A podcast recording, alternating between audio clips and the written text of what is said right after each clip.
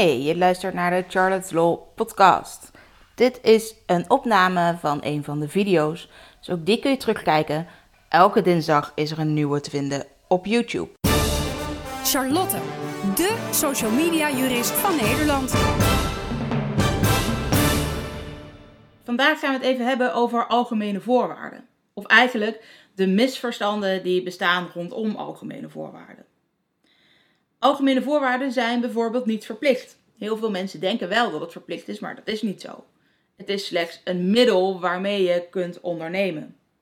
Sterker nog, er zijn heel veel verzekeringen, zoals beroepsaansprakelijkheidsverzekeringen, die eisen dat je algemene voorwaarden hebt. Soms staat er zelfs in je polisvoorwaarden dat er bepaalde bepalingen opgenomen moeten worden. Of dat je zoveel mogelijk je aansprakelijkheid al uit moet sluiten in je algemene voorwaarden. Dat wil zo'n verzekering natuurlijk, omdat zij niet voor alle uh, schade willen opdraaien. Hoe meer je al uit kunt sluiten via algemene voorwaarden, hoe minder dat je verzekeraar kost. Nou, eigenlijk zijn algemene voorwaarden een set regels die je bij al je klanten opnieuw gebruikt. Je verandert ze dus niet per klant.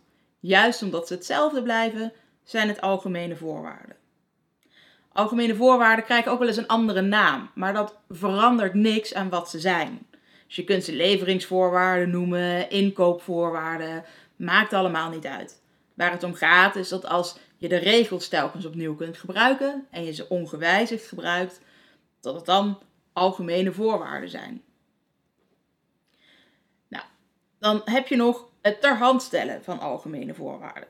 Ze zijn namelijk pas wat waard als je, je de andere partij, dus hè, vaak je klant, de algemene voorwaarden hebt gegeven.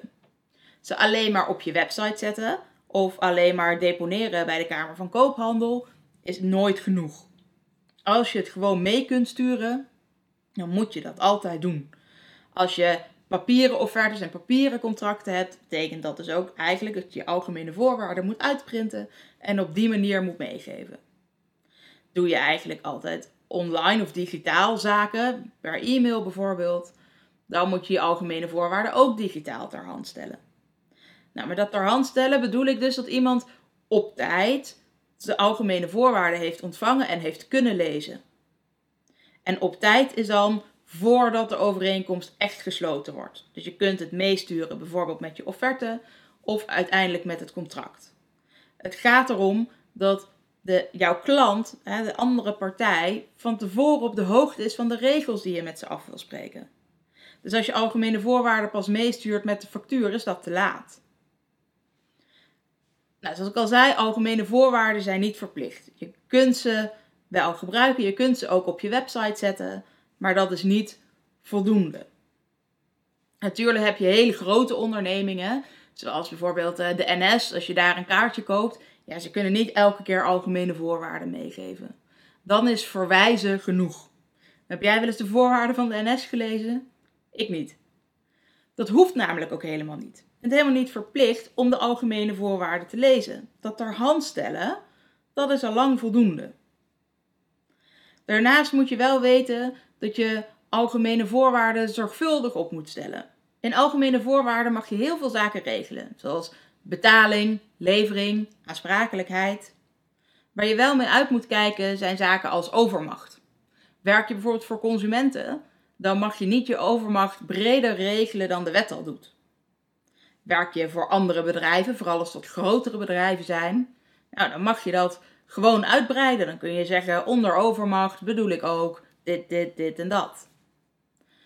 Bedenk dus goed voor wie je de algemene voorwaarden inzet.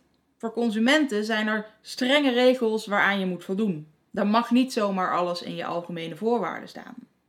Maar werk je B2B, ja, dan mag je juist heel veel afspreken. Bijna alles wat je wil mag in die algemene voorwaarden staan.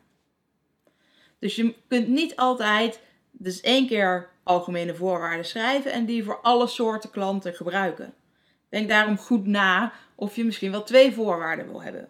Of dat je met kopjes gaat werken, zodat duidelijk is wat er voor de consumenten geldt, of particulieren als je ze zo wil noemen, en wat er voor je zakelijke klanten geldt.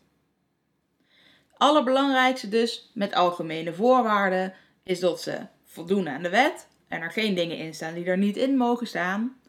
En dat je ze op tijd ter hand stelt, dus bijvoorbeeld met de offerte of het contract, maar niet pas met de factuur.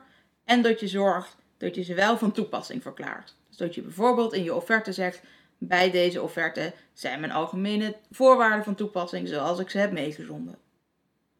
Dat zijn de belangrijkste zaken die je moet regelen. Nogmaals, alleen op de website staan is niet voldoende. Verwijzen naar inschrijving bij de Kamer van Koophandel is ook niet voldoende. Je hoeft ze niet op de website te zetten. Algemene voorwaarden zijn niet verplicht. Als je nou nog vragen hebt over algemene voorwaarden, ga dan vooral eens naar onze website en bekijk de blogpost of stuur ons een e-mail met je vraag. Heel veel succes!